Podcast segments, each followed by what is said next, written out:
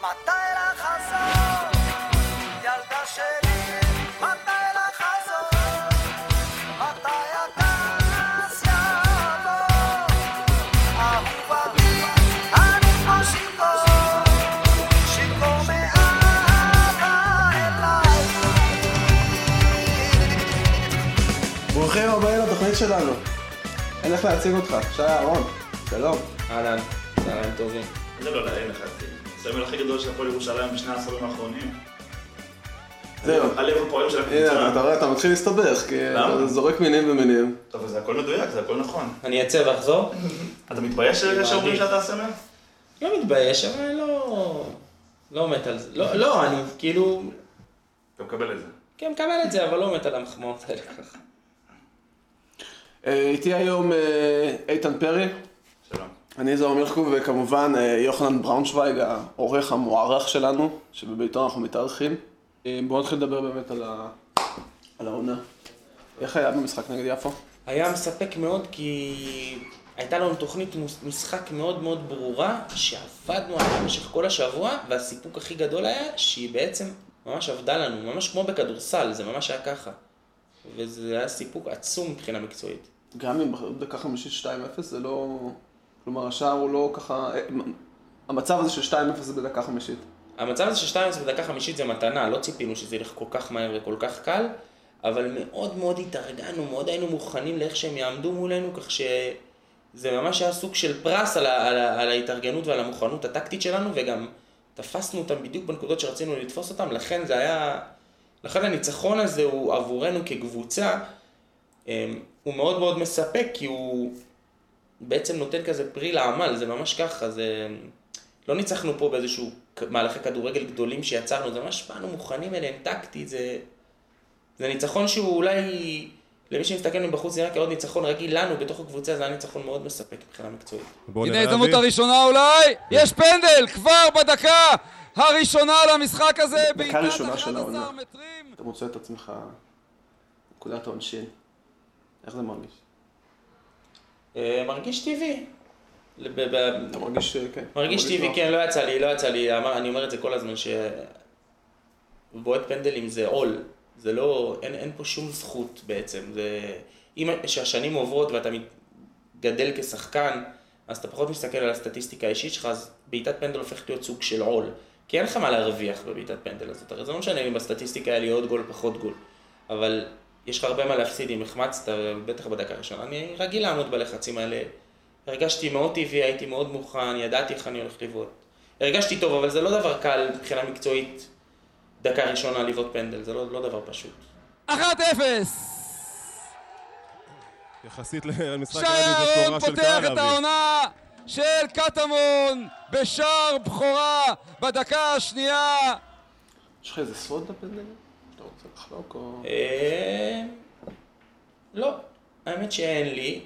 אה, אני בועט פנדלים מאז שאני זוכר את עצמי, גם קבוצות הילדים והנוער והכל, האחוזים שלי, תודה לאל, wood, הם מאוד מאוד גבוהים, למרות ששנה שעברה עשיתי הכל כדי להרוס אותם, אבל אה, עוד פעם אני אומר, זה, זה, זה משהו שיש בו הרבה יותר חובה מאשר זכות, אבל אני לוקח את זה בהרבה מאוד מקרים, זה, יש הרבה מאוד שחקנים ש, שקשה להם לקחת את האחריות הזאת תוך כדי משחק ואני מבין את זה, זו אחריות לא פשוטה, בייחוד בתוצאות צמודות במשחקים קשים, אבל אה, זה גם מאוד מאוד מספק בסופו של דבר האחריות הזאת. איך היה כל העניין הזה ש... שלא היה קהל? מזעזע, מחריד, הרגשה מגעילה. שכחתי כבר איך זה להרגיש את ההרגשה הזאת. אני זוכר אותה, היינו משחקי ליגה לאומית של עונות שלמות, שיחקתי עם כמויות כאלה של קהל. זה... מי שיגיד שזה לא מוריד את רמת האנרגיות גם לפני המשחק וגם תוך כדי המשחק, כנראה שהוא קורץ מזן אחר. עבדנו על עצמנו פסיכולוגית, באנו מוכנים, באנו נחושים, באנו באמת חדים וטובים למשחק הזה, אבל עדיין, ה... זו תחושת ריקנות מאוד מאוד גדולה. מה מחכה לנו ביום שני? מול נתיבות? אני כל הזמן מגביל כאילו את, ה, את העונה הזאת לעונה שעברה, וגם בעונה שעברה לא הכרתי את כל הקבוצות. בדיעבד אני יכול להגיד שבסדר, התכוננו אליהם כנראה יותר ממה שהיינו צריכים להתכונן אליהם, לכן גם ניצחנו בצורות כאלה משכנעות, אבל אני ממש לא מכיר את הקבוצות האלה, מה שאני יודע מליאור, שהוא מכיר את כולם, שהליגה מאוד מאוד שוויונית, ליגה מאוד קשה. יהיה לנו כל משחק, אה, תהיה לנו התמודדות מקצועית ראויה. אה, אנחנו באמת נצטרך להביא מעצמנו הכל, אנחנו לא נוכל להרשות לעצמנו להיות קצת פחות טובים, קצת פחות מחויבים, אה, קצת שאננים. כל פעם שנראה באופן הזה, כל פעם שנתייחס ככה, אנחנו נענש. זה לדעתי מה שיאפיין את הליגה הזאת, בטח נגד קבוצה שמתיימרת להיות בחלק העליון של הטבלה. אני רוצה להחזיר אותך כמעט חמש שנים אחורה, לפגישות שהיו בבית של עדה. אתה זוכר, עם ניר ברקת, ובני סיוון, ואיתן אפרים. ודני מועלם, ידידך, שישי בצהריים. שישי בצהריים. היה רצף פגישות כאלה, שבהם דיברנו על מה, מה יקרה ומה לא יקרה וזה, ודיברו קצת על הקבוצת אוהדים, וקצת דיברו על ההשקעה בהפועל. לא, משם, אם אני, לא. אם אני לא טועה, משם בעצם ניר יצא, אחרי שישבנו על המתווה הזה, אם אתה זוכר, תמיד היה בא עם החוברת שלו, כל פעם הוא היה מייטב אותה, ובסוף הוא בא עם איזשהו רעיון, ואז הוא ניסה להרכיב אותה על הפועל ירושלים. ברגע שלא, זה בעצם הרעיון של קטמון בסופו של דבר. כן. על סמך, על חלק גדול מהדברים שבנינו שם, חלק גדול מהעקרונות האלה, הפועל קטמון הוקמה בקדנציה הראשונה. נכון. הקטע של הדירקטוריון, ושיש כן, שבעה כן, מקומות, כן, ושהאוהדים מנכ"ל, לקנות את המקום, שיקנות את המקום שלהם. ממש, ממש, 30 בנינו את זה. כאילו, עזוב שהרעיון הראשוני היה של אורי וזה מניות ועניינים, זה... אבל המבנה של הקבוצה בפועל, בנינו אותו ביחד בימי שישי האלה. כן. זה נכון. זה אגב משהו שאמרתי הרבה שנים אחר כך, כאילו, אחרי שכבר שזה קרה, אמרתי, זה נדמה שכאילו השאיפה שלנו הייתה שיהיה בתוך הפועל ירושלים, ולצערנו, סאסי ממש התעקש לתת עוד חברים בדירקטוריון, ואנחנו רצינו פחות, וזה זה. זה. אבל בסופו של דבר השיחות האלה נגמרו בזה שחלק מהאוהדים הלכו והקימו את קטמון, וכאילו המנגנון המבנה נשאר, של, נשאר בהפועל. ואתה אז היית בצד ההוא. בצורה שאני זוכר שהייתה מאוד אה, לא רק שהייתי בצד, לא רק אמרת, שהייתי. בצד ההוא, לא, לא, אמרתי, נכון, אני אומר, היה בי כעס גדול מאוד, ואמרתי את זה. היה בי א' כעס גדול מאוד, כי הכל היה טוב והכל היה נכון והכל נעשה בשיתוף פעולה, ובסופו של דבר, כשזה יצא לפועל, יש גוף אחד, גורם אחד, קרא לזה קבוצה קטנה של אנשים, שהם נשארו בני ערובה, שזה אלו השחקנים. אף אחד לא דיבר עליהם, אף אחד לא דיבר איתם, אף אחד לא חיפש מתווה של בואו ננסה להעביר את שחקני הבית, בואו נמצא איזשהו מבנה שבתוכו נצליח לגייס מספיק כסף, ואו ניקח אותם ונגיד להם בואו תהיו שנה בהסגר, זאת אומרת, סתם אני עכשיו זורק רעיונות לאוויר שאף אחד מהם כמובן לא ריאלי. אבל אף אחד בעצם, כולם שכחו את השחקנים. כן. מה גם שעצם הרעיון של ללכת ולהתאחד עם הסרט היה בעיניי גרוע, ואמרתי, אבל הוא בא אחרי זה. גרוע. בהתחלה, הוא לא, לא, הוא לא בא- בהתחלה, בסדר, אבל כשהוא בא אז גם אמרתי את זה שאני כאילו, אני ממש מבין, Mm. ממש מבין, ממש מבין ומסכים עם הצעד, אבל לא מבין ולא מסכים עם איך שהוא נעשה. כן. אגב, בדיעבד, היום זה לא חוכמה להגיד את זה בדיעבד, אתה, אתה אחד מהיחידים שזוכר שאני הייתי כזה, שהייתי דינמי, ב, ב, לא הייתי נגד, אבל אמרתי את דעתי בצורה נחרצת שזה, שבדיעבד צדקתי. לא שאני עכשיו, אה, אתה יודע, גאה בזה, אבל צדקתי בדיעבד. וגם אמרתי את כל הדברים האלה, והדלקתי את כל המנורות האדומות, והדלקתי את כל המנורות האדומות על הפרסונות שהיו שם, כי הייתי מעורב בהקמה של הפועל קטמון בסרט, זה לא שלא הייתי מעורב. נכון. ו... אז אחרי כל הצעדים האלה וכל הדברים האלה, וגם אחרי ההיסטוריה האיומה שאתה זוכר באמת, אה, כאילו מההתנהלות של, של ויקטור ושל, אה, ושל אה, יוסי בשנים שלפני זה, בסופו של דבר הדברים האלה נגמרו, ואתה חזרת ואמרת, טוב, אנחנו ממשיכים בהפועל, ו... והמשכת להיות המנהיג של השחקנים וה... והסמל של הקבוצה והלב של ה... נכון. שם. לגמרי, לגמרי, אבל זה... לאורך כל הדרך גם המשכתי ואמרתי שציפו ממני בהנהלה של הפועל באיזשהו שלב, בייחוד אה, שהייתה הצלחה מקצועית כזאת או אחרת שלנו, אני לא היה שאתם ממש כאילו, זה היה בעונת הגלקטיקוס, נראה לי שכתבנו בסרט, שממש התרסקתם לגורמים עם כל מיני סיפורים כאלה ואחרים על מכירות משחקים, ומשכורות וקנסות וכאלה, ואנחנו כאילו קראנו את הליגה הארצית ב-20 פור, כן. עם ניהול, אגב, זה משהו שאמרתי שבוע שעבר בכתבה בירושלים, עם ניהול יוצא דופן, ומשכורות בזמן, ומחנה אימונים והכל דפק כמו שעון, ובכל הרעיונות האפשריים אמרתי, כולם כל הזמן דיברו איתי, דבר על הקהל, תגיד לקהל שיחזור, תקרא לקהל איך יש את הכוח, אמרתי, לא רק שאני לא קורא לקהל לחזור, אוי ואבוי לקהל הזה אם הוא חוזר, ואני באופן אישי אהיה מאוכזב אם הקהל הזה יחזור, בגלל איזושהי הצלחה מקצועית. הרי אף אחד לא קם ועזב בגלל איזשהו חוסר הצלחה, איזשהו חוסר הצלחה מקצועית, או אה, מיאוס בשחקנים או ביכולת או כל מה שיוצא בזה. היה פה עניין אידיאולוגי ערכי ומיאוס באיך שהקבוצה מתנהלת. לכן אמרתי ששום הצלחה מקצועית כזאת או אחרת לא צריכה להביא את האוהדים, ואם יבואו אני גם מתאכזב מהם. כן. זהו, ובאמת היה לי אגב אה, מריבות קשות עם רביב על העניין הזה, עם יוסי ססי בטוח, ועם ויקטור, ועם רביב במיוחד, כי בעצם רביב הוא הדמות, אתה יודע, הכי... שאתה יכול בעצם להגיע איתו לדיאלוג אמיתי. כן. והוא ניסה כאילו לשכנע, כי אמרתי לו שאני לא משתכנע מזה. שאני חד משמעי, אני איתם במאבק הזה, ואני... מה זה אני איתם? אני משחק גם, בסדר, בקבוצה, לא בקבוצה שלהם, אבל אני לחלוטין מבין אותם, אתה מזדהה עם גם המאבק. הקפטן שלה, אתה גם ה... זה לא קשור. זה לא קשור, כי אם, אני אגיד לך למה זה לא קשור.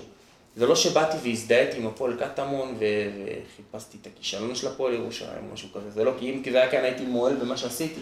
אבל זה לא, הרגשתי באמת מחובר לקהל של הפועל קטמון, הרגשתי באמת מחובר לרעיון הזה. ו... ואגב, הוא היה מבחינתי ישים, כאילו המעבר שלי להפועל קטמון היה ישים בכל שלב מבחינתי, אף אחד לא באמת ידע את זה. אף אחד באמת לא הציע לי. בפעם הראשונה שדיברו איתי על זה, שזה היה כאילו, באמת, תחשוב על זה רגע, אף אחד לא, אף פעם לא אמר לי בוא תעבור לקטמון. אולי אף אחד לא באמת חשב שזה ריאלי, אבל מבחינתי, זה תמיד היה ריאלי. מבחינתי זה תמיד, אני, אני, אני לא מתבייש להגיד, אני ידעתי שאני משחק בקטמון, לאשתי תמיד אמרתי, אגב לליאור אמרתי, לפני שליאור היה בקטמון, אמרתי ליאור, אני אהיה בקטמון, זו שאלה של זמן, אני יודע שאני אהיה, לא שאני, כולם תמיד, אחרי שהחלטתי לעשות את המעבר הזה בעונה שעברה, אז כולם תמיד אמרו לי, אתה יודע, אנשי מקצוע, מאמנים, ואורי מאמין בדיוק היה בביתר, אתה נורמלי, רציתי אותך פה, וקבוצות בליגת העל רוצות אותך, ואני מדבר עם מאמנים, ומה עשית, ו... לא רציתי לעשות את המעבר הזה בסוף הקריירה, לבוא כאילו לעשות טובה שאני בא. כן. רציתי לבוא, שאני במלוא כוחי, שאני יכול למשוך קבוצה, לא... זה מה שרציתי בעצם לעשות. פעם ראשונה שדיברו איתי, זה היה בליגה ב' וזה היה נראה לא הגיוני, סיימתי בנחשבים של ליגה לאומית, איך אני הולך לליגה ב'? זה היה... לא הייתה התלבטות בעיניי, זה עד כדי ככה היה. זה היה נראה כאילו הייתה התלבטות, אבל לא הייתה התלבטות.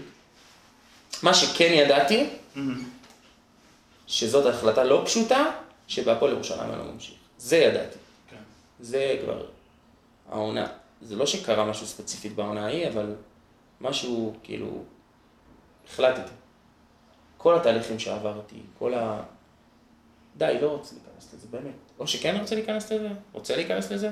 שקרים, כסף, כאלה, כאילו... אם אתה רוצה, לא חייב. לא, לא, זה סתם יהפוך אותי לסוג של אלטרואיסט ולא בא לי על זה. כאילו, לא בא לי על התדמית הזאת עוד פעם. כן. באמת ובתמים אבל, ויתרתי. עזוב רק, בעצם למה עזוב על כסף? בסופו של דבר זה העבודה שלי, עם כל זה שאני מזוהה והכל, וזה גם הפרנסה שלי. על המון כסף. ורימו אותי המון פעמים, וניצלו את הטוב לב שלי, וניצלו את הכוח שהיה לי מול השחקנים כדי לעזור לסגור עם שחקנים, ו... עזוב. החלטתי, החלטה עם עצמי, בגלל זה גם סגרתי בכפר סבא אגב. כי סגרתי בכפר סבא לפני שסגרתי בקטמון. אבל תראה איך השארתי את הפתח הזה. השארתי את הפתח הזה רק בקטמון. כי ידעתי שזה מה שאני רוצה לעשות. ידעתי, וחיכיתי שידברו איתי. כמובן שלא, אני לא... לא, לא מצאתי לנכון לפנות אני בשביל לבוא, כן. כי זה לא היה נראה טוב, אבל... אה, ואז חיכיתי, וכשזה קרה, זה...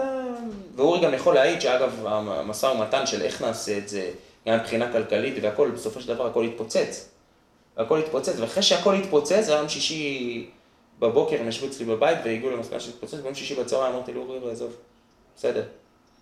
אני, אני לוקח על עצמי עוד משהו, כאילו אני כבר הייתי, רציתי מאוד לעשות את זה. אני שמח שזה ככה, אני שמח, זה כאילו סוג של פחיתות כבוד, כאילו, אתה יודע, אבל- אבל זה לא, בעיניי זה לא, אני שמח ש, ש, שהתעקשתי שזה יקרה. אז אני אשאל אותך בהקשר הזה, מה לדעתך התפקיד של הקפטן בקבוצה כדורגל?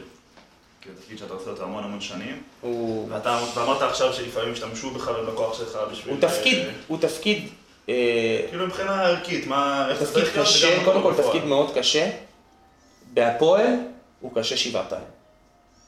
אבי נימני ככה היטיב היה לנו איזה משחק אימון בתל אביב, אנחנו ככה מכירים משנים וזה, אז שני שחקנים צעירים היו בזמנו, אם אני לא טועה, לירן כהן וראובן עובד, או לא, הם התווכחו בין כמה, אני מדבר איתך לפני חמש שנים, ארבע שנים, הייתי בן 28, 9, כאילו התווכחו בין 34 או 33, אז בן כמה אתה, בן כמה אתה? אמרתי להם, "אני 28, די, נו. אז אז אבי נימני אמר להם, תגידו מה, אתם נורמלים בהפועל ירושלים, זה כל שנה כמו שבע, זה כמו כלב. עכשיו, זה באמת נכון, זה, ב- אני אומר לך, זה כל שנה, זה להתעסק בהכל. אבל תפקיד, לשאלה שלך ספציפית, תפקיד קפטן הוא תפקיד מאוד מורכב. אתה צריך להלך על טיפות מאוד דקות. לשמור קודם כל, בעיניי, הדבר הכי חשוב, לשמור על אינטרסים של השחקנים. הכי חשוב מעל הכל, אבל יחד עם זאת, לייצג את רוח המועדון. ויש לי, ולשמור על הגאווה של המועדון, ויש לי אין ספור דוגמאות של רגעים בהפועל ירושלים, באמת, שהאינטרסים של השחקנים לא נפגעו, כאילו נרמסו ומשכורות לא שולמו חודשים, ולעולם ומעולם לא הסכמתי לאף שחקן לרדת לחדר הלבשה, מאז זה המקום, כל שחקן שאמר את זה, שחקנים שבאו מ... אתה רוצה להשתחרר? אתה רוצה עכשיו? בוא נעלה, אני אסדר לך שחרור. אל תדבר על המועד, אל תדבר על הקבוצה. זה זכות להיות פה. זה מקום, הס- די, תפסיק, אתה יודע, היו רגעים של עימותים, מעטים, בודדים, לא- לרוב הזמן הייתה לי סמכות בחדר הלבשה, הקשיבו לי ו- וידעו שאני בסופו של דבר עושה מלחמות חורמה עם ההנהלה ומוותר על כספים שלי בשביל שישולמו משכורות לכולם, וידעו שאני עושה את כל הדברים האלה, אבל בסופו של דבר אף אחד לא ידבר רע על המועדון. כן. אין, אף אחד, המועדון, הקבוצה היא מעל הכל. זה אבל יכול להיות הייתי באינטרסים בעד. של המועדון עצמו, או במידה. לימים האשימו אותי בזה שאני אני הייתי, אף פעם לא הייתי בעד השבתת אימונים. אף פעם לא הייתי בעד זה. לא משנה, לא משנה, זה לא... זה לא קשור, רוח המועדון והאיכות המקצועית שלך כשחקן לא קשורה לכסף שאתה מקבל בעיניי. ארכאי, מיושן, רקוב, קרא לזה שאתה, אתה צודק, אני, אני טעיתי, כנראה שבמבחן המציאות טעיתי, אבל אני, אני עדיין חושב ככה. אני עדיין כאילו, אני טעיתי ואני עדיין דבק בדרך הזאת. שום דבר לא, לא מספיק נכון בשביל לא להתאמן, שום דבר לא מספיק נכון בשביל לא להתאמץ במשחק, שום דבר לא מספיק נכון. ו- זאת ההשקפה שלי. והעברתי אותה, והרבה פעמים היו הסכמות, והרבה פעמים גם היו שביתות, כי רוב השחקנים רצו, אני תמיד אמרתי את דעתי. אמרתי להם, חבר'ה, שמעו, לדעתי זה לא נכון להשבית את האימון. אתם חושבים שכן, סבבה, בואו. אתם חושבים שזה יעזור לנו להשיג את האינטרס שלנו, סבבה, בואו נעשה את זה. אבל אף פעם לא הייתי ממש בעד זה. כי באמת חשבתי שבסופו של דבר, הזהות, הקהל, המועדון, ה... זה באמת מעל הכל, זה באמת מעל לקבל את הכסף, זה באמת מעל שיהיה תנאים, זה... אבל מסתבר שטעיתי, כי, כי האנשים שניהלו את הקבוצה לאורך השנים ניצלו את זה. ניצלו את זה, ניצלו אותי באופן אישי, ודרכי ניצלו עוד אנשים. אני... ואגב, הדליקו לי את המנורות האלה, הרבה מאוד שחקנים שאני מעריך את דעתם, אמרו לי את זה, שי, תשמע, אנחנו הולכים לידיים שלהם, ככה אני חושב, אתם רוצים? סבבה, בואו. לרוב הקשיבו לי, הקשיבו לי ואמרו לי שזה לא נכון. בסדר, בדיעבד יכול להיות שזה היה לא נכון. ועדיין אם תחזיר אותי אחורה, אני נוהג אותו דבר. אוקיי. ועכשיו, כשאתה מגדל אה, דור צעיר של שחקנים בהפועל, בית ספר? אנחנו מדברים, או באופן כללי? זה, זה, אני קודם כל לא מגדל דור של שחקנים. אני, הרעיון של קטמון בעיניי הוא, הוא הכל ולא קבוצת כדורגל. אני באמת חושב ככה. זה רעיון של, פשוט שהרי כולנו, כל הזמן יש עכשיו את הטרנד הזה שמשנים דברים. שעושים את מחאת הקוטג' ומחאת הדיור, ומוצאים אנשים לרחוב, ורוצים ש... אני שנים אומר, שנה את חלקת האלוהים הקטנה שלך, מכאן זה מתחיל, אל תתלונן שראש הממשלה מושחת ושהוא מושחת, שנה את החלק הקטן בסביבה שלך. אם כל אחד יחשוב ככה, וברדיוס הקטן שלו, יהפוך אנשים יותר טובים, אה, יתנהג יותר טוב, הרי כאילו, גם כשיש לי ילדים, אני יודע שהאלף בית של חינוך בעצם, זה דוגמה, דוגמה אישית, כאילו אתה יכול לדבר כמה שאתה רוצה ולהסביר כמה שאתה רוצה, אם הדוגמה האישית שלך היא מסריחה, הילד שלך היא מסריח. אז זה ככה, פשוט.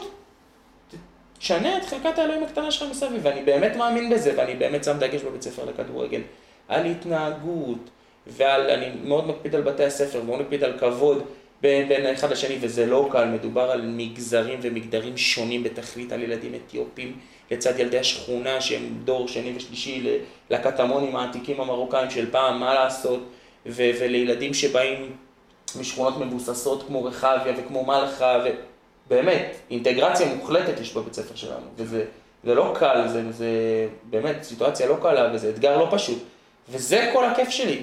אם בסוף נצליח לייצר איזה שחקן אחד או שניים, זה, זה בונוס בעיניי, אבל זה ממש לא המטרה שלי. זה גם מה שאמרתי שם, זה גם מה שאמרתי לאורי, כאילו, זה חברתי לחלוטין, כרגע בעיניי זה לא מקצועי. לימים, ברור אגב שאנחנו נותנים, שלא תטעה, אנחנו עדיין נותנים את הכלים המקצועיים הכי טובים, מה שנותנים בכל הבית הספר לכדורגל בירושלים. המאמנים הכי טובים, האימונים הכי טובים, הציוד הכי טוב, תוכנית אימונים שהיא אה, מטעם וינגייט, כאילו, מקפיד עליה ברמה שחבל על הזמן. זה לא קשור אחד לשני, זה לא מכריח שהיא שחקן לכדורגל טוב. אבל אני מוכרח להגיד שאני באופי שלי חסר סובלנות בעליל לילדים שהם לא שלי, בייחוד מהיום שהילדה שלי נולדה. והבית ספר לכדורגל הזה, הייתי תמיד נחמד, הייתי תמיד, כאילו, אבל אף פעם לא ראיתי את עצמי עובד עם ילדים. זה משהו שלא חשבתי שאני מסוגל לעשות. כי הייתי חסר סובלנות, מודה. אה, והבית ספר לכדורגל הזה בעצם גילה לי עולמות של ילדים ש... זה חיבר אותי בעצם לילד שאני הייתי, לפעמים הראשונות שאני הגעתי לבית ספר לכדורגל של הפועל ירושלים, ולפעמים הראשונות שאני שיחקתי כדורגל, ולהבנה הזאת שהאימון הזה הוא הכל בחיים שלי עכשיו, ואני כל כך מבין את הילד הזה שבא, אני כל כך מתחבר, אני רואה את, ה, את, את האנשים מסביב קצת מזלזלים במה שהוא אומר, ואני הכי לא מזלזל בזה בעולם, אני יודע שהיום הזה, שהוא בא לבית ספר לכדורגל, הוא בא לאימון הזה שבעינינו הוא הכי שולי בעולם, אני קצת אני קצת עצוב על האובדן התמימות הזאת, כי זו תמימות כל כך מבורכת. אתה רואה את, ה, את העיניים של הילד בורקות והוא מתרגש והוא שם את החולצה, ואם יש איזה משחק בכלל נגד איזושהי קבוצה שארגנו, אז אני רואה את, ה, את התכונה שלו ואת הרצון שלו להצליח, וזה מחזיר אותי ישר 20 שנה אחורה, ואני נמס מהילדים האלה, אני נמס, אני מחובר אליהם ברמות שלא האמנתי שאני יכול להיות, יכול להיות מחובר לילדים שהם לא שלי. באמת, זה... אני מתחבר לתחושות שלהם ואני... באמת חושב שהכדורגל והספורט בכלל הוא אחלה כלי ל... לעשות חינוך טוב יותר. איך זה עובד בדיוק, הבית ספר? אנחנו כרגע בשלב של בנייה של השנה החדשה. אנחנו כנראה שיהיו לנו קבוצות, שלוש קבוצות גיל, של כיתות א'-ב' בקבוצת גיל אחת, ג'-ד' וה'-ו', ש... אגב, המאמנים של שלוש הקבוצות האלה הם אה, ראובן גרשקוביץ, תומר סולטן וליאור חוג'ה, בהתאמה. הם מתאמנים במשך שעה ורבע במגרש במבט, המגרש מחולק לשלושה שלישים, כל קבוצה יש לה שליש. מתאמנים לפי הסטנדרטים הכי גבוהים של אימון ילדים, עם תוכנית אימון מסודרת, אנחנו עושים ישיבת צוות פעם בשבוע, כולנו, אני לוקח את הפרויקט הזה בשיא הרצינות. אמרתי לאורי, ברגע שלקחתי את זה, אמרתי לאורי, שמע, אם אני עושה את זה, אני עושה את זה עד הסוף, אני לא עושה את זה בבערך. ולא מעניין אותי כמה ילדים יירשמו, ולא מעניין אותי אם המועדון מפסיד על זה כסף. בואו, שתחליט שאתה מפסיק עם זה, מפסיק עם זה, אבל אני לא מוכן לוותר על שום דבר מה, מהדברים האלה. ואורי הלך איתי יד ביד בעניין הזה, ואני מאוד מרוצה מהתוצאה בינתיים. איך הגיע בכלל לרעיון? זה בא באופן טבעי? לא זוכר. אתה יודע מה? אני ממש לא זוכר איך זה התחיל שנה... אה, איך התחיל הדיבור הזה שנה שעברה? אני חושב שזה בא ב... אה, בחופף לבעצם זה שקיבלנו את המגרש במבט ואמרנו, אוקיי, זו ההזדמנות שלנו, כאילו, לייצר עכשיו כמות גדולה של, של ילדים, לייצר גם קהל חדש להפועל קטמון. כי הרבה, הבית ספר לכדורגל שלנו שנה שעברה, כל הילדים כמעט היה מגיע למשחקים של הפועל קטמון עם החולצות, וזה דור חדש של אוהדים וזה נהדר, והם מפיצים את זה בבתי הספר וזה אחלה. וגם עוד פעם, הרצון הזה לתרום לקהילה ולהחזיר בעצם למקום שאנחנו מתאמנים בו. אז על כמה ילדים אנחנו עומדים כרגע? 70? נכון להיום, באימון פתיחה היו 70 ילדים, אבל ההרשמה היא קצת קשה, בעיקר בגלל המצב הכלכלי. אנחנו משתדלים לתת הנחות למי שזקוק, ואני מניע, אני מקווה מאוד שאם אנחנו נתייצב על אזור ה-50-60 ילדים השנה, זה יהיה נהדר. זה הרבה יותר ממה שכל מועדון כדורגל בעיר מצליח לייצר. זה קרה יחד עם, ה... עם העונה הראשונה שלך בהפועל קטמון. אה, מה אתה רוצה לספר על העונה שעברה? איך הייתה? קודם כל הייתה העונה שהכי נהניתי מכדורגל בחיים. היו לזה כמה סיבות. אה, עצם הקבוצה של הפועל קטמון, עצם המעבר שלי שלווה ככה לא הלך הכי חלק כמו שחשבנו, והיה קשה מאוד ואינטנסיבי מאוד, והיה עבורי לי נפשית מאוד קשה, הוא לא היה מעבר חלק, אני לא מתבייש להגיד. דרך החיבוק הגדול שקיבלתי גם מגידי קורן, עם הליווי המשפטי, אבל מעבר לליווי המשפטי, ההרגשה הזאת, כאילו, יש לך כל הזמן הרגשה בהפועל קטמון שזו משפחה שהיא לא מחבקת אותך במילים, כמו שהיינו רגילים בכל מיני, רגילים, כמו שאנחנו רגילים בכל מיני מקומות בכדורגל. היא מחבקת אותך במעשים, היא מחבקת אותך ב...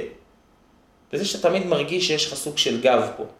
שיש לך קהל גדול מאחוריך, שיש לך מקבץ גדול מאוד של אנשים שאתה מאוד מאוד חשוב להם. ו... זה אחד הדברים הראשונים שהרגשתי, שייצרו אצלי מחויבות מאוד גדולה, ואז זה ירד לפרטים קצת יותר. הפרסונות שהכרתי, גם אורי וגם אשר, אה, וגם, אה, וגם להתאמן תחת ליאור, שליאור כאילו זה לא סוד שאנחנו, הוא הרבה יותר מחבר בשבילי, הוא הרבה יותר אפילו מ... יש בינינו קשר שהוא הרבה יותר מקשר דם, זאת אומרת, אנחנו, אנחנו לפעמים כמעט אותו בן אדם, שזה היה עוד הרבה לפני הפועל קטמון, מי שבעצם, כאילו, לא, לא יעצתי לו, אבל כשהוא שאל לדעתי אם לקחת את הפועל קטמון, אמרתי לו, כאילו, בלי ספק בכלל. אה, ודרך להתאמן אצלו, וגיליתי בעצם שה...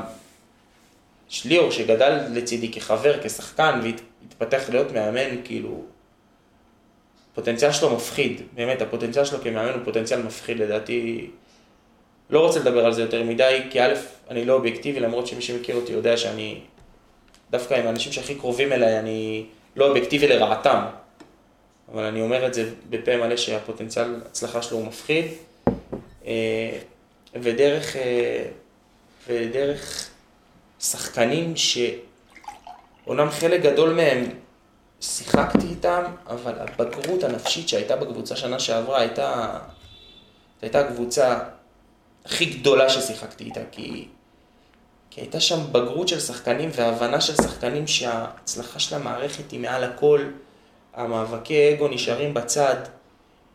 הייתה אחדות שאני לא, לא יכולתי לתאר, רמת השיח בחדר הלבשה הייתה מאוד מאוד גבוהה יחסית לחדר הלבשה של כדורגל. היו שם שיחות על, באמת, שהתקרבו לדעתי לזיוני מוח שלכם, באמת, כאילו, ברמה כזאת.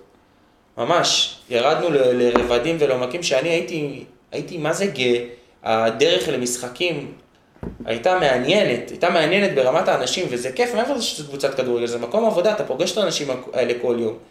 אני מעריך כל אחד ואחד מהאנשים שהיו בקבוצה הזאת, באמת, זה... מעבר לזה שאני חושב שהיינו קבוצה מקצועית, מקצועית נהניתי, כי היינו עליונים על כל הקבוצות בליגה, ומקצועית מאוד מאוד נהניתי. נהניתי לשתף פעולה עם כפיר, שגם הפוטנציאל שלו היום הוא, היום הוא כבר לא יכול לממש את הפוטנציאל הזה מעבר לגבולות של... של... חכה חכה. לא, לא, זה כבר... אנחנו יודעים את זה, אבל כל כך כעסתי עליו, כי הפוטנציאל שלו כזה גדול, ועוז, ושחקנים אחרים, באמת לשתף עוד פעם פעולה עם גולה, כאילו, שה- שהוא היה קפטן שלי, ואז אני הייתי קפטן שלו, ואז פתאום, אחרי כמה שנים שלא לשחק חזרה עוד פעם. יניב אברהמי, שהוא בשבילי לא חבר, הוא גם, הוא... אתם לא מבינים כמה הוא ענק, אתם לא מבינים כמה המשמעות שלו הייתה גדולה בכל הקבוצות הפועל שהוא שיחק בהן. אתם באמת לא, אתם לא... הוא מס- אגב השחקן היחיד בהיסטוריה של הפועל ששיחק איתה בכל הליגות. בכל הליגות. והוא... אתם, לא בכלל, אתם בכלל לא, לא מצליחים להבין את התרומה שלו לכל קבוצות הפועל שהוא שיחק בהן, ושנה שעברה. ו... פשוט הייתה שנה חלומית, חלומית. אני פשוט זוכר אותה לטובה, מה זה לטובה? היא השנה שהכי נהניתי מכדורגל בקריירה, אני לא חושב שתהיה עוד שנה כזאת. אפשר היה לראות את זה במשחק האחרון נגד שעריים. אני לא אחד שמתפרץ משמחה בדרך כלל, וזה היה... ישב פה באמת אמיר גולה לפני שנה, ושאלנו אותו מה, מה הדבר הכי חשוב, הוא אמר ש... שכל הקבוצה תהיה בעניין הזה, שכולם יהיו ביחד בסיפור הזה, בלי, בלי אגו, ספסל, וזה הורגש, כלומר, לראות... מדהים כמה כמאמן וכקפטן וכשחקן מוביל בקבוצה, אתה תמיד מחפש את זה. ובינינו, בוא, בוא נודה על האמת, קשה למצוא את זה, קשה, ואגב, לא באשמת אף אחד, קשה למצוא את זה. ושנה שעברה מצאנו את זה, וזה נדיר. זה נדיר כי זה לא קורה, ובאמת כולם, ללא יוצא מן הכלל, היו בתוך העניין הזה במאה אחוז. זה משהו שהוא קוסמי, הוא מעבר למה שאתם מסוגלים להבין. זה, זה להיות בתוך קבוצת כדורגל כזאת, זה זכות, אני אומר לכם, וזה לא משנה באיזה ליגה. זאת הייתה פשוט זכות אדירה להיות חלק מהקבוצה הזאת. אני... כל הזמן נתנו לי קרדיט על זה, שכאילו יש לי חלק גדול בזה וזה, ואני ממש לא רואה את זה ככה, זה מוריד מה... זה מוריד מהאישיות של כל שחקן ושחקן ששיחק שנה שעברה. כי כל אחד ואחד תרם את חלקו, אתם לא מבינים כמה. אתם לא מבינים כמה יש משמעות לניואנסים קטנים בתוך חדר הלבשה ול... ולאמיר... ולאמירות כאלה ואחרות, ול... דוגמאות, יניב אברהם, אני חייב לתת אותו דוגמה, כי הוא, הוא טיפוס מצחיק, ו- והוא היה רוח החיה בחדר ההלבשה, אבל אמיר היה אחראי על ה... אמיר היה אחראי על העניין ה... על להדליק את השחקנים, על להביא את האנרגיות, את המוטיבציה, את הכל. והיה משחק, אם אני לא טועה, זה היה לפני מעלה אדומים בסיבוב הראשון. ויניב היה מתוסכל מקצועית, כי הוא חשב שהוא מגיע לו לשחק שנה שעברה, והיה כמה משחקים שהוא שיחק וליאור הוציא אותו מהרכב אחר כך. והוא כאילו היה עם פוטנציאל מרמור הכי גדול מבחינתו, הוא כאילו חשב שהכי מגיע לו לשחק והוא לא שיחק. והוא בא והוא נתן כמה דקות של לפני משחק שזה לא מתאים לו להיות רציני ולדבר ככה, והוא דיבר על המהות של קטמון ועל ה, על הקהל ועל ליאור ומה הקבוצה הזאת בשבילו וכמה שהוא חושב שמגיע לו לשחק ועדיין הוא הראשון בספסל ש, שמבסוט מכל והוא רוצה שהקשרים האחוריים בתפקיד שלו יהיו הכי טובים כי הוא רוצה שהקבוצה תצליח וזה סוג של דיסוננס וזה עדיין מתקיים וזה... זה דברים קטנים ש, שאוקיי לא ניצחנו במשחק הזה אבל לפעמים הרווח של הדברים האלה הם לאורך זמן כי, כי זה מדביק, טוב זה דבר מדביק. כמו שרעל זה דבר שמדביק גם טוב הוא דבר שמדביק. ואם אתה מדבר טוב, ואם אנשים מתנהגים יפה, ואם השחקנים, שמע, עונה שלמה, לא אף שחקן מאימון, אפילו סתם על עבירת משמעת קטנה, לא התפתחה, לא התפתח איזשהו עימות בין שחקן לשחקן על, על משהו באימון, שזה דברים שקורים בקבוצות הכי בריאות שיש, בקבוצות הכי מצליחות שיש, אאוט, לא, מה אתה מדבר לי, דחיפות, למה לא מסרת, כן מסרת, קללה, אחר כך חיבוק, השלמה. תמיד כאילו, זה שצעק את הצעקה הראשונה, השני אמר, אני מוריד את הראש, אני מבליג. זה נדיר בכדורגל, זה לא קורה. זה לא קורה. אז איך משחזרים את זה השנה? אי אפשר לשחזר את זה השנה. אפשר לנסות להגיע קרוב לזה, אי אפשר לשחזר את זה, מכמה סיבות. א', הקבוצה הרבה יותר צעירה. ב', מדובר בהרבה מאוד שחקנים שבאו מבחוץ, שלהכניס אותם לתוך המחויבות של מה זה הפועל ירושלים, קשה. קשה. אפשר להראות להם את הסרט, אפשר לעשות ערבי גיבוש, אפשר להסביר, אפשר, הקהל יכול לבוא ולחבק ולתמוך, קשה. קשה להטמיע את זה, קשה להשריש את זה, זה עבודה מאוד קשה. זה לא יכול להיות אותו דבר כמו שנה שעברה. זה לא יכול להיות. חתך הוא קצת יותר צעיר, אנשים צעירים מטבעם הם אנשים קצת יותר אגואיסטים, יותר אגוצנטרים, רואים יותר את האינטרס האישי שלהם, ובצדק מבחינתם. בייחוד אם הם לא מהעיר, יש לנו עבודה מאוד קשה כן. בעניין הזה. אבל אנחנו ננסה להגיע הכי קרוב שיש לזה. היה שם את המרכיב, בשעה שעברה, את המרכיב החזק של הח- החבר'ה ש... שהם חוו את הפועל הקשה, המייסרת של פעם, ויצא להם ככה לחלוק את. את, את הפועל, הפועל חדשה כזאת. זה למה, זה למה זה היה כזה עבדים כיף. משוחררים. כזה. ו... לא רוצה לקרוא לזה חדוות עבדים משוחררים, אבל... כי זה כאילו בעיניי בוטה מדי, אבל זה ממש ככה. זה כאילו... כל מה שחשבנו שהקבוצה שלנו צריכה להיות, היא כזאת. כל מה שחשבנו. ופתאום מנצחים, ופתאום מנצחים משחקים במהפכים. ופתאום אנחנו בפיגור 1-0 במשחק העונה, ואף אחד לא דואג. אנחנו ננצח את המשחק.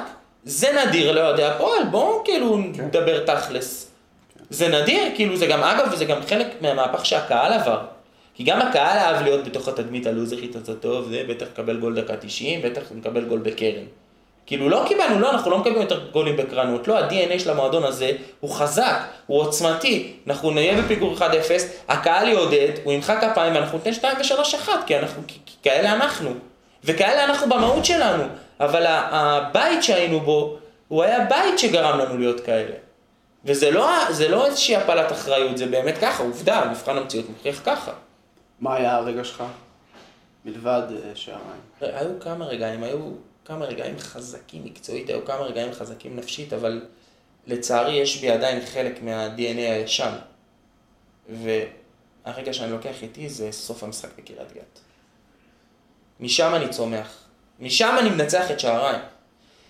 כי עד היום, אחרי שהמשחק נגד שעריים היה הירואי ועילאי ושודר והיו אנשים והיה קהל והייתה התפרצות של שמחה והכל, אם אתה מחזיר אותי בדיעבד אחורה, אני מעדיף לנצח את קריית גת ולחגוג שם את העלייה עם ה-400-500 שהיינו שם ולא עם ה-5,000 איש בטדי.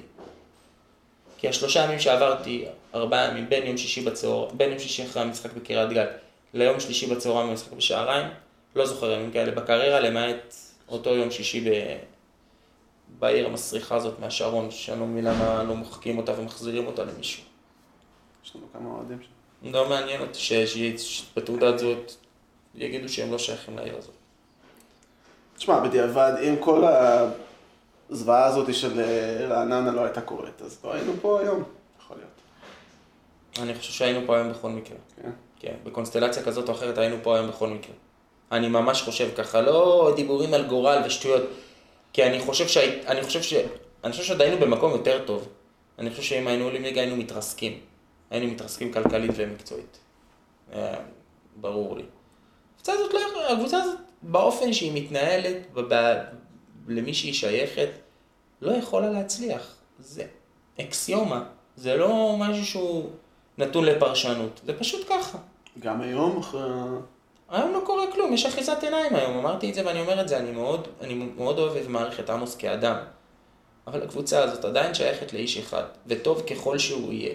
וכולנו יודעים שהוא הכל ולא טוב, אבל נצא מתוך נקודת הנחה שטוב ככל שיהיה. היא עדיין תלויה בגחמה של איש אחד, שהיום רוצה שהקבוצה תהיה טובה, ומחר הוא לא רוצה שהקבוצה לא תהיה טובה.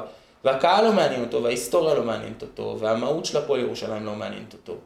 ואין לו שום זיכרונות נוסטלגיים בתור ילד ממגרשי הכדורגל. אז בסדר, אז יגידו שאני קצת מיושן וארכאי, ויגידו שהיום הכדורגל הוא קפיטליסטי והוא שייך לעידן של רומן אברמוביצ'ים ולכל האלה מקטר שקונים קבוצות באנגליה ולגלייזר ואלה שקונים את מנצ'סטר. ו... סבבה, אז אני אגיד שאני רואה את הכדורגל אחרת, אני מעדיף להצליח לאט, אני מעדיף שהקבוצה הזאת תהיה מצליחה בעוד 200 שנה, שאני לא אהיה פה. ושהכדורגל ייראה אחרת ושהחברה שלנו תיראה אחרת. שהכסף לא ישחית כל דבר, שבעצם נצליח לייצר קבוצת כדורגל שנזדהה איתה, שנאהב אותה, ש, שנעריך אותה, שנעריץ אותה על דרך ההתנהלות שלה, שהיא תיתן דוגמה טובה לילדים שלנו איך צריכים להתנהג, לזה שהמשחק נגמר ומוחאים כפיים, לזה שלא מקללים אף אחד אף פעם ככה, כי לא מקללים אף פעם אף אחד, כי אף אחד לא ראוי שיקללו אותו, ולא משנה מה הוא עושה ולא משנה כמה הוא לא טוב. וזה זה משהו שמייצר מחויבות אצל השחקנים, וזה משהו שהוא צריך לייצר מחויבות אצל אנשים בכלל, ל, ל, במקומות עבודה שלהם, במקומו, במוסדות שהם לומדים בהם, במשפחות שלהם, וככה אני רואה את זה. זה עוד פעם, זה נשמע מיושן, זה נשמע רומנטי, זה נשמע מנותק מהמציאות, אבל וואלה, לא יודע, אני חושב שאם כל אחד ישנה את חלקת האלוהים הקטנה שלו מסביבו, זה מספיק טוב בשביל לעשות שינוי, לא צריך לעשות שינויים גדולים. כל אחד יעשה את זה פשוט, זה מאוד פשוט. כל הסיפור הכללי הזה של העולה אחת מתוך שתי ליגות, אני יודע שבשבילי בתור אוהד זה מאוד קשה. אני מרגיש שממש רומסים אותנו. זהו, זה ההחלטה הזאת היא החלטה, קודם כל יש מקבץ של החלטות בליגות הלא מקצועניות שאני לא הייתי מודע אליהן, כי לא הייתי בליגות האלה אף פעם, שהן החלטות שגובלות במדינת עולם שלישי, ממש, ממש שוק של עבדות, קודם כל שחקנים, יש שחקנים שייכים למועדונים שלהם, מה שקרה איתי שנה שעברה, מה שקורה, מה שקורה השנה עם עדי מרציאנו, זה מזעזע בעיניי, זה משהו שהוא, אגב, ידעתי כמה אנשים שאני מכיר, גורמים בהתאחדות, שהולכים כנראה לנסות ולשנות את זה, כנראה להביא את זה לאיזושהי הצבעה מהנהלת ההתאחדות, כי חייבת להימצא איזושהי נוסחה ש, ששחקן יוכל להשתחרר בסופה, זאת אומרת, לא משנה איך תיראה הנוסחה הזאת, אבל שהוא יוכל להשתחרר, שזה לא יהיה תלוי בגחמה של אדם כזה או אחר. מעבר לזה, ההחלטה השערורייתית הזאת של עולה אחת משתי ליגות, שהיא אמנם רק לשנה אחת, אבל רק מראה עד כמה לא סופרים את הליגות האלה. אם בצדק או לא בצדק, לדעתי לא בצדק, כי אנחנו כאן, ומבחינתנו זה כל העולם. אבל זו עונה אחת, אני חייב להגיד שאנחנו השחקנים, בתת מודע זה יושב, במודע שמתכוננים לכל משחק ומתארגנים לכל משחק, ובתוך המשחק זה משהו שלא מרגישים אותו, יש עדיין רצון עז להצליח בכל משחק, לנצח בכל משחק. בכלל, הפועל קטמון זה מועדון כזה שמייצר אצלך מחויבות כל הזמן, אתה לא, אתה לא מצליח לנוח, אין לך שום רגע שאתה יכול להגיד לעצמך, טוב, לא נותנים לי פה את המאה אחוז, אז לא נורא, אפילו אם זה לא במודע. זה משהו שהוא תמיד אתה מרגיש שנותנים לך את כל הכלים להצליח, מתייחסים אליך בצורה הכי טובה, קהל מגיע למשחקים. תמיד יש רמת מחויבות גבוהה, לכן תמיד יש רצון לנצח. ב- ב- בראייה בטווח הארוך, במקרו זה יושב בראש העולה אחת.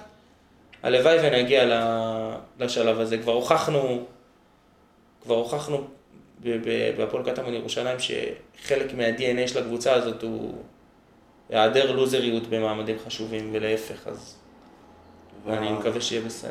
וההתרסה, כאילו זה יכול לדרבן במובן מסוים של, כן, עושים לנו עולה אחת משתי ליגות, אז דווקא נראה להם. לא, לא, לא מדרבן. לא, אם כבר זה רק מעציב, רק מרגיז, רק מתסיס, זה בייחוד ירגיז יותר את הקבוצה שתפסיד בדו-קרב הזה. שתבוא ותגיד, נתנו פה עונה הירואית, אין מה לבוא בטענות. הרי אף קבוצה שתגיע בסופו של דבר לפלייאוף הזה ו- ותפסיד, אי אפשר יהיה לבוא אליה בטענות. גם אם היא תפסיד, לא יודע איך. אי אפשר יהיה לבוא אליה בטענות. וזה... אין, אין פה שום דבר שאומר, לא, בואו נראה להם שאנחנו יכולים. מה שכן, הקבוצה שתעלה בסופו של דבר, זה יהיה אחד ההישגים המקצועיים הגדולים שאני מכיר. בטח ב- ב- בליגות האלה. אגב, ידוע לך על דבר כזה בכלל איפשהו בעולם? בחיים שלי לא שמעתי על החלטה כזאת. החלטה שרירותית, ואני אומר עוד פעם, זה רק מראה עד כמה כאילו... כמה אנשים בתוך הכדורגל הישראלי לא מבינים למי הכדורגל שייך באמת. הכדורגל הרבה יותר שייך לקבוצות שלנו, של יפו, של נתיבות, של קריית מלאכי, אנשים שמשקיעים, אנשים שבעצם באים מהמקומות הקשים האלה, מה, מה, מהקהלים האלה, הרבה יותר, קבוצות הרבה יותר חשובות מ-90% מהקבוצה שיש שם בליגה הלאומית, שהן קבוצות נטולות מסורת ונטולות קהל ונטולות עניין. אבל כנראה שצריך הצלחה מקצועית בשביל לנסות לשנות משהו, ושדברים תלויי תוצאה, בניגוד למה שאני בדרך כלל, אני חושב שהדברים הם תלויי דרך, אבל הכדורגל הישראלי שלנו מתנהל, והחברה הישראלית מתנהלת לפי, אה, לפי תוצאות, לצערי, ואנחנו נצטרך לייצר תוצאות כנראה מספיק טובות ולהביא את הקבוצה הזאת מספיק גבוה כדי לשנות מציאות וסדרי עולם. בואו נדבר על, על המעבר שלך. אה, אני מניח שזה היה במיוחד קשה בגלל האוהדים. זה היה קשה כי... זה היה קשה כי זה היה קשה, זהו. קודם כל זה היה קשה. ההחלטה לעזוב את הפועל ירושלים באופן עקרוני התגבשה אצלי בלי שום קשר למעבר להפועל קטמון, אני חייב להודות על זה. שכמובן שמאוד רציתי שזה יהיה להפועל קטמון, אבל לא ידעתי עד כמה זה ריאלי. אה, היא הייתה החלטה קשה כי אתה, כי, כי אתה עוזב בית. אבל, אבל המעבר לקטמון, אני חייב להגיד שהמעבר לקטמון הוא בעצם אה, אני חייב לספר סיפור שממחיש את זה, אני, אני בן אדם שמאוד מנתק רגש והיגיון, זאת אומרת, אני מאוד יודע לעשות את הניתוק הזה, אני יודע מה נכון מבחינת, מבחינה שכלתנית, ואני יודע, ואני יודע מה אני מרגיש, אני, ואני מאוד יודע להפריד ולדעת שאם משהו שאני מרגיש יכול לפגוע בזה, אני לא עושה אותו, אני יודע לעשות את זה. בכדורגל אני אחרת. וכמה ימים אחרי שעשיתי את כל המעבר הזה, ואחרי שהתחלתי להתאמן בקטמון והכל כאילו נכנס לסוג של שגרה קשה, אבל שגרה, אז הלכתי להביא את אימא שלי, שהיא מנהלת פדג... יועצת פדגוגית בבית ספר ליידי דויד, שבעצם ממוקם בקריית יובל, ממש מעל המגרש. והלכתי לקחת אותה מהעבודה. וזו הייתה בדיקה שלי עם עצמי, מה קורה לי שאני יורד את הירידה הזאת, מה קורה לי שאני יורד את הירידה עם האוטו, ועשיתי לעצמי מבחן יותר קשה. ירדתי ממש עד המגרש. ירדתי עד המגרש כדי לראות אם קורה לי משהו, ולא קרה לי כלום. כי רק, רק מי שבסופו של דבר מאמין ברעיון הזה כל כך, מבין שהוא, אוקיי, אני יודע ששונאים לשמוע את זה. מי שלא חלק מהמועדון הזה שונא לשמוע את זה, וגם אני לא חושב שזה נכון להגיד את זה. אבל אתה באמת מרגיש בהפועל ירושלים. מה הקבוצה שלנו היא פחות הפועל ירושלים ממה שהפועל סדר ירושלים היום? מה?